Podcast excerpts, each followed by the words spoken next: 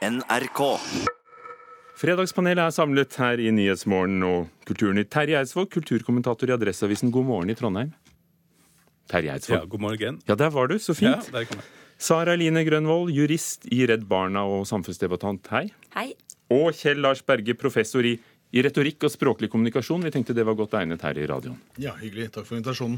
Vi begynner med et spørsmål om um, noe av det noe av det mest dyrebare vi har i Norge, nemlig vikingskipene. Gokstad, Tune og Osebergskipene, de tre som står i Vikingskipshuset på Bygdøy, står i fare for å smuldre vekk, og det er ikke første gangen vi hører om det.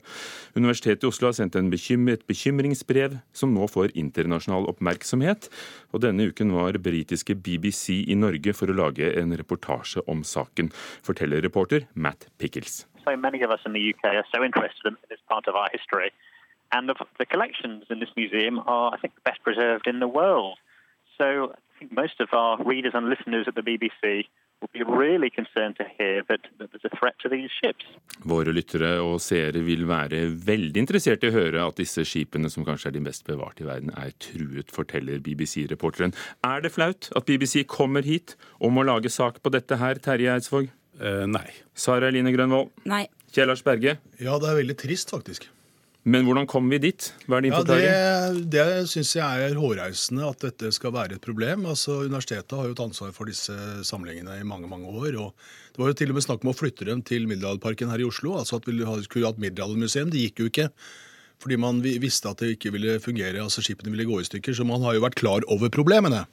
Så hvorfor har det ikke blitt gjort noen ting? Det syns jeg er utrolig pinlig. Og jeg må jo si som ansatt ved Universitetet i Oslo, liksom hva har mitt universitet gjort da, for i alle disse årene for å holde ved like diskusjonen omkring dette? Så dette kan jo ikke komme som en overraskelse, tenker jeg.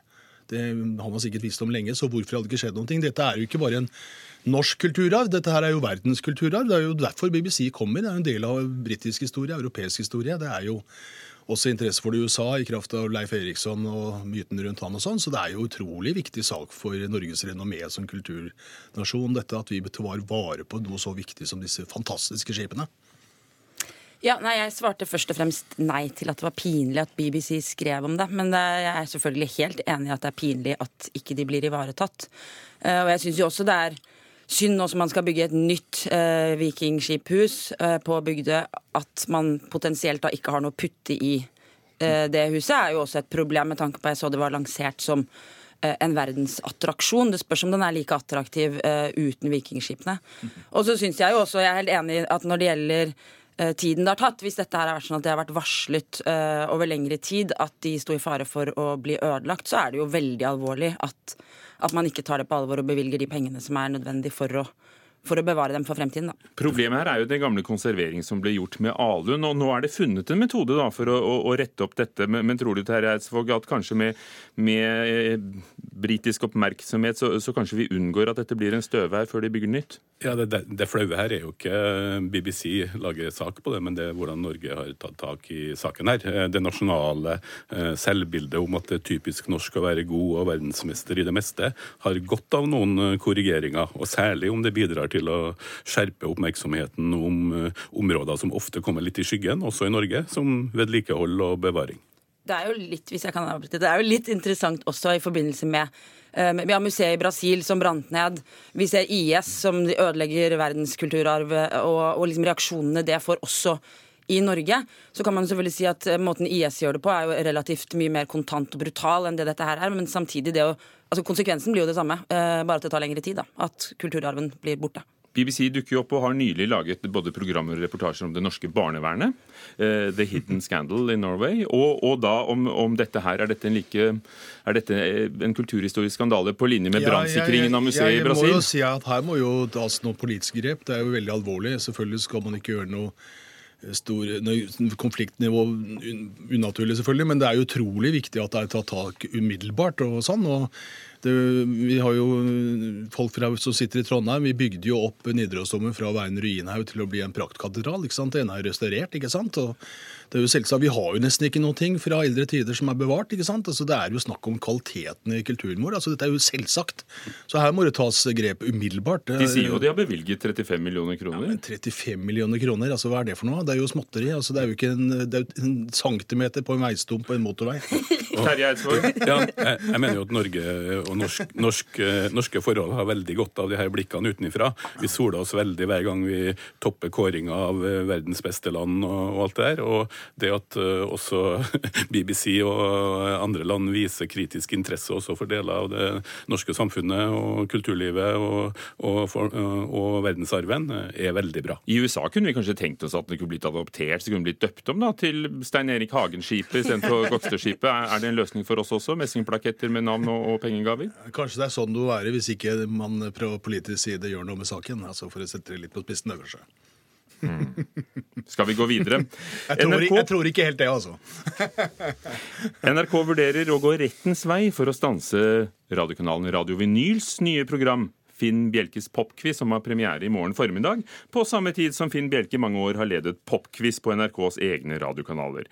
Nå skal han altså lede program med et navn som er veldig likt på en konkurrerende kanal. Og NRK har da øh, begynt å søke merkevarebeskyttelse. Men det Radio Vinyl gjør, er det, er det sleipt, eller er det greit? Og her, som nykommissær Eline Grønvold, er det et unntak? Vanligvis er det ja- eller nei-spørsmål, men, men, nå er det sleipt eller greit? Eh, jeg syns det er greit. Greit. Eidsvåg? Jeg sier ja, sleipt og greit. du, Sara Line Grønvold, er jo jurist. Handler dette her om, om merkevarer og patenter? Handler det om Eh, om å være storsinnet? Det kan nok sikkert handle om, om, begge deler, men hvis jeg som jurist skal få lov til å svare som ikke-jurist, da, eh, eller ikke-juridisk, så, så syns jeg jo at uh, altså For det første så er jo popquiz uh, et begrep som vi ser på ethvert gatehjørne på studentpuber og sikkert lokalradioer og studentradioer og andre, andre medier òg. Uh, og for liksom subsidiært så vil jeg si jeg egentlig forbinder det med Finn Bjelke mer enn jeg forbinder det med NRK. Det er bra du eh, som ikke-jurist eh, snakker om det subsidiære her. Veldig overbevisende. Nei, men, men, bortsett fra det også, så, så selvfølgelig så kan man jo stille spørsmål ved om det er litt sånn påfallende at det er nøyaktig den samme sendetiden eh, og et veldig lignende navn osv. Men, men jeg syns likevel at det må være greit. Og jeg tenker også at kanskje jeg vet ikke, Finn Bjelke er jo en etter hvert tilårskommen mann som ofte er glad i rutiner. Han er vel vant til å lage radio på det, det tidspunktet på lørdager og har lyst til å fortsette med det. Men Eidsvåg, det er jo det er jo store forretninger også, dette her? Selvfølgelig, men eh, jeg har lyst til å vri litt på Pippi Langstrømpe her og si at den som er stor og sterk, bør også være romslig. Eh, og det avgjørende her må være eh, utforminga av selve programmet. Jeg mener å huske at det ikke er så veldig lenge siden det kom en stor, tjukk bok av Finn Bjelke som het Pop og rock-quiz. Den var vel ikke akkurat utgitt av NRK. Så det, og popquiz kan jo ikke være noe, noe merkevarebeskytta begrep, og Finn Bjelke må få ha navnet sitt. Eh, så det er jo, Jeg skjønner jo hvorfor eh, den konkurrerende kanalen har gjort det her, men det avgjørende her må være eh, hvorvidt programmet i seg selv fremstår som en ren kopi av NRKs program, ikke navnet. Jeg er altså helt enig. Merkevaren her er jo Finn Bjelke. Altså Popquiz kan jo hvem som helst lage. Det, det holder vi på med i min familie hver dag omtrent. Og NRK gjør det jo fortsatt. ja, ikke sant. Og det, det er litt harvelig, syns jeg, overfor Finn Bjelke, faktisk. De vil ikke ha han lenger, og sånn. Så går han til en konkurrerende kanal, og så er han Finn Bjelke igjen. Han kan jo få lov til å være Finn Bjelke. Jeg syns det er litt latterlig, hele diskusjonen, egentlig. Altså, NRK bør være raus i denne saken. Det, det, er også min mening. Og så er det vel begrenset på en måte hvilket spillerom man har innenfor hva skal jeg si, popquiz-begrepet. Er Selvfølgelig vil et annet quiz-program ligne på popquiz på NRK. Mm. Fordi det er, det er, jo et visst oppsett på, altså, på quiz. Quiz er quiz, ikke ja. sant? Det er jo ikke noe spesielt ved det. Det er i hvert fall ikke noe merkevare. Nei. Dere, det er um, seriedager i uh, Norge for tiden.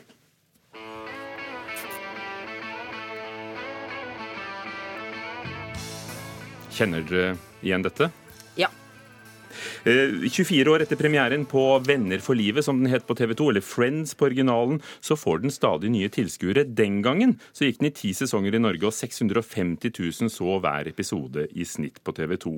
Nå har serieskaper Martha Kaufmann vært i Norge og ble intervjuet av Studio 2, og hun forteller at når vennene, hennes, altså vennene til barna hennes oppdaget denne serien på Netflix, så trodde de at det var et historisk drama om 90-tallet. And actually, a lot of the kids, my daughter and her friends, when her friends discovered Friends on Netflix, they thought it was a period piece. They didn't realize it was made in the 90s. They thought it was just about the 90s. Vil flere gamle serier nå nye generasjoner, filmkritiker Terje Eidsvåg? Ja. Sara Ja. og Kjell Lars. Jeg er litt usikker på det, gitt. Det varierer nok veldig, vil jeg være ærlig å si. ja. Eidsvåg, hva er det hva er det Friends har som gjør at, eh, barna til hun som skrev den, tror at dette er en serie om 90-tallet? At den er så moderne at den kunne passert som noe som er laget nå? Ja, den, eh, jeg syns det er rart hvis de tror at det, en, eh, at det er en virkelig serie, men den er jo bra skrevet. Eh, Den er morsom, og den har interessante og gode karakterer. Det er nok mye av hemmeligheten. Og så fanget den en tidsånd da, som noen kanskje virker både corny og kanskje også til dels provoserende i dag. Men jeg tror ikke sånn at alle TV-serier vil overleve og få en revival. Men i dag er tilbudet så stort og økende at noen flere vil få det. Jeg tror f.eks. Cosby Show vil slite med å få den comebacket som Friends har fått. Enda den har fått mye omtale nå, da. Nettopp. Si. Sara Line Grønvold, eh, kunne du tenke deg å satt deg ned med, med Vestavind? Uh, nei, det kunne jeg ikke. Offshore? Uh, uh, nei, det husker jeg omtrent ikke. Men blindpassasjer holder Nei. fra uh, romfarts, eh, romfartstøyet Marco Polo? nei. Nei? Nei, jeg vet ikke. For jeg er jo midt i liksom Friends-generasjonen som er født midt på, på 80-tallet. Og, og jeg, jeg tror det som gjør at den serien er sånn tidløs, er jo mer uh, at det er liksom det er jo en sitcom, men den er ikke så hysterisk som en del andre sitcoms er. Eh, og så tror jeg den som det sagt, fanger tidsånden godt. Jeg har jo en referanseramme ved at jeg driver og henger med tenåringsjenter i, i stallen. Jeg driver med hest. Og jeg spurte dem i går, og de sa at blant nullnuller uh, så er da Friends veldig populær rett og slett fordi de er så søte. Så jeg tror kanskje nettopp det der ufarlige uh, er det som gjør at den, at den er interessant, selv om den kanskje ikke alltid er så veldig politisk korrekt i 2018-lys. Tenkte du på det den gangen? Nei, ikke i det hele tatt. Og det blir litt sånn som Seinfeld og en del andre serier også, som man ser at det er enkelte, enkelte kommentarer og replikker der som ikke tåler dagens lys. Men sånn, sånn var det da. Altså, Jeg kommer ikke på noe i min oppvekst eller noe sånt som eh, skulle tilsi at jeg skal se det på nytt. Det måtte jo i så fall være komiprogrammet til Heide, Heide Steen og Wesenlund eller, eller Monty Python, faktisk. Monty Python, det holder. Men, Men- men- hvis, hvis jeg skal ta serier som jeg syns holder fortsatt, som er, og det tror jeg har å gjøre med kvaliteten i serien, og det er Sopranos. Den kan jeg se om og om igjen. Og den er begynt å bli ganske gammel, den også. Jeg tror det er en serie som er laget for 16-15-16 år siden. Noen serier blir jo får en helt kultstatus, som Gjensyn med Brideshead. Brideshead. eh, den. Ja, så pra- eh, Matador i, Danmark. Ja, du, du kan ta West Wing, tror jeg vil stå seg Ja. veldig lenge. Soprano, Sopranos selvfølgelig. Jeg tror også Skam, og ta en norsk serie som gikk for noen år siden, og Okkupert, tror jeg eh, ble litt eh, nesten oversett i Norge. Eh, og selvfølgelig gode sitcomer som britiske The Office. Men det, har, ja, men det har vel noe med kunstnerisk kvalitet å gjøre. altså bare For å ta litt annerledes felt, da, musikk og sånn. ikke sant? Det er noe 60-tallsmusikk som holder. Ytterst få, men det sitter altså. Det hører ungdom på også. Takk skal dere ha, Fredagspanelet. Kjell Lars Berge, Sara Line Grønvold og Terje Eidsvåg som kom hit til Kulturnytt eh, sånn på morgenkvesten. Dette er Nyhetsmorgen, og klokken er straks halv ni.